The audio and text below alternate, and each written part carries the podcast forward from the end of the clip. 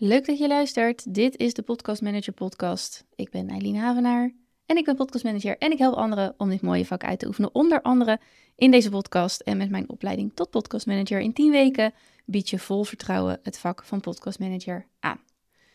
In deze aflevering wil ik een klein onderdeel van de investeringen, de kosten die je zelf maakt als podcastmanager uitlichten. En dat zijn de opstartkosten.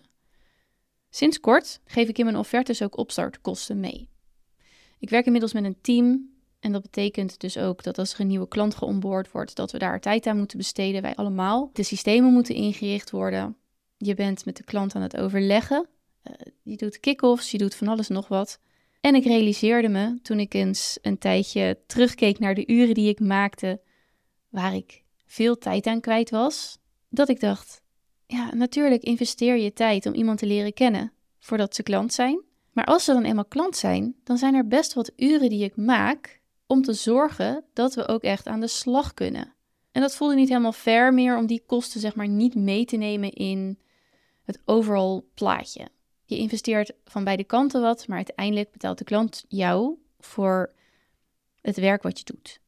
Als je nu net pas start, dan denk je echt, holy crap, opstartkosten, dat schrikt misschien een klant af. Ik, ik wil dat niet. Het hoeft niet, hè?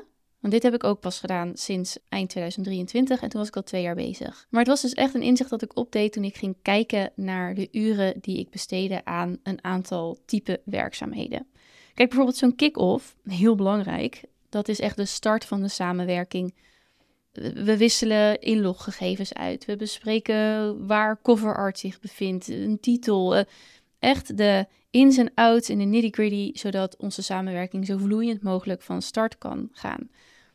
Vaak duren die gesprekken een uur tot anderhalf uur, bij mij in ieder geval. En dan heb ik ook nog voorbereiding. Ik heb nog uitwerking in sommige gevallen. Eh, daarna hebben we nog mailverkeer heen en weer. Er zijn een aantal zaken die gewoon opgestart moeten worden. Ik werk met Asana, dus ik ga een Asana-bord opzetten. Allemaal hoort het bij de dienstverlening. Want als deze klant niet bij mij was gekomen, had ik al deze werkzaamheden niet gedaan. Ik heb Moneybird als boekhoudingsprogramma. En ik heb een boekhouder die eens in het kwartaal mijn Moneybird nakijkt of ik geen gekke dingen heb gedaan voordat ik de BTW-aangifte doe. En die ik gewoon heen, eh, random vragen kan stellen en dan kan ze mij daarbij helpen. En zij heeft het ook wel eens over kosten van de omzet. Dus niet gewoon kosten die je maakt, maar wat kost het om deze omzet te draaien? Een voorbeeld is bijvoorbeeld dat ik een abonnement heb op Descript. Dat kost 288 dollar per jaar in mijn geval. En ik ga nu ook een editorsrol eraan toevoegen, voor een van mijn teamleden. Dus dat kost me nog een keer 288 dollar per jaar. En dat gebruik ik voor mijn klanten. Als ik geen klanten zou hebben, dan zou ik niet deze betaalde versie van Descript gebruiken. Dit zijn dus kosten die ik maak om de omzet te draaien die ik draai. Is soms een beetje een grijs gebied, want ja, je mobiele telefoonabonnement zijn in principe ook kosten die je maakt om je omzet te draaien. Maar ja, daarvan denk ik wel met droge ogen te kunnen beweren dat ik die ook had gehad als ik dit bedrijf niet had gehad. Maar die script had ik niet gehad als ik Noisy Media niet had. Kosten van de omzet. Dit zijn ook kosten, uren die je maakt om de omzet te draaien, die je gaat draaien. Wat ik dus tegenwoordig doe, is ik zet echt de opstartkosten los op de offerte. Ik heb nu een bedrag voor 500 euro daar aangehangen.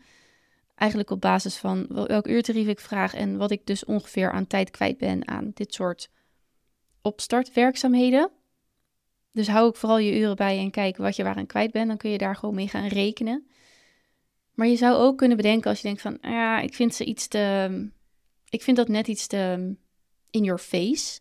Want ja, iemand wordt wel geconfronteerd met 500 euro eenmalig die die even mag neer gaan leggen voordat we gaan starten. Wat je natuurlijk ook kan doen, is dit bedrag verwerken in je maandtarief of in je afleveringtarief. Hoe de afspraak met die klant ook is. Hè? Je kunt per maand factureren of je kunt ook per aflevering factureren. Sommige maanden zullen misschien vijf afleveringen hebben, de andere vier.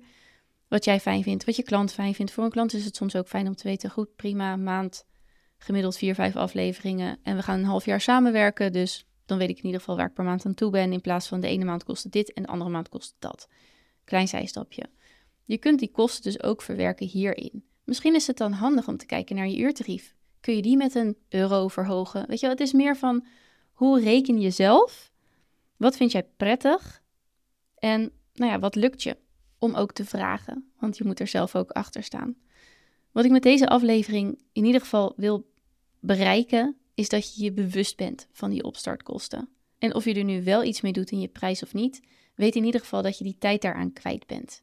Dus als je je werk dan weer inplant, hè, uiteindelijk is podcast management vrij goed in te plannen en dat is een van de grote voordelen van dit werk. Als jij niet weet hoeveel tijd je kwijt bent of dat je überhaupt tijd kwijt bent aan het opstarten met een klant, dan wordt het lastig plannen of dan kom je ook niet uit.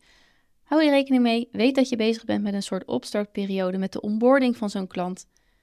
En kijk of je die opstartkosten ergens wil terugverdienen, want het blijven kosten die je maakt om die omzet te draaien. Om die klant van dienst te zijn. Heel veel succes. Heb je er vragen over? Je kunt me altijd mailen op eileen.podcastmanagementacademy.nl. Mijn mailbox staat gewoon voor je open. Dankjewel voor het luisteren en tot de volgende.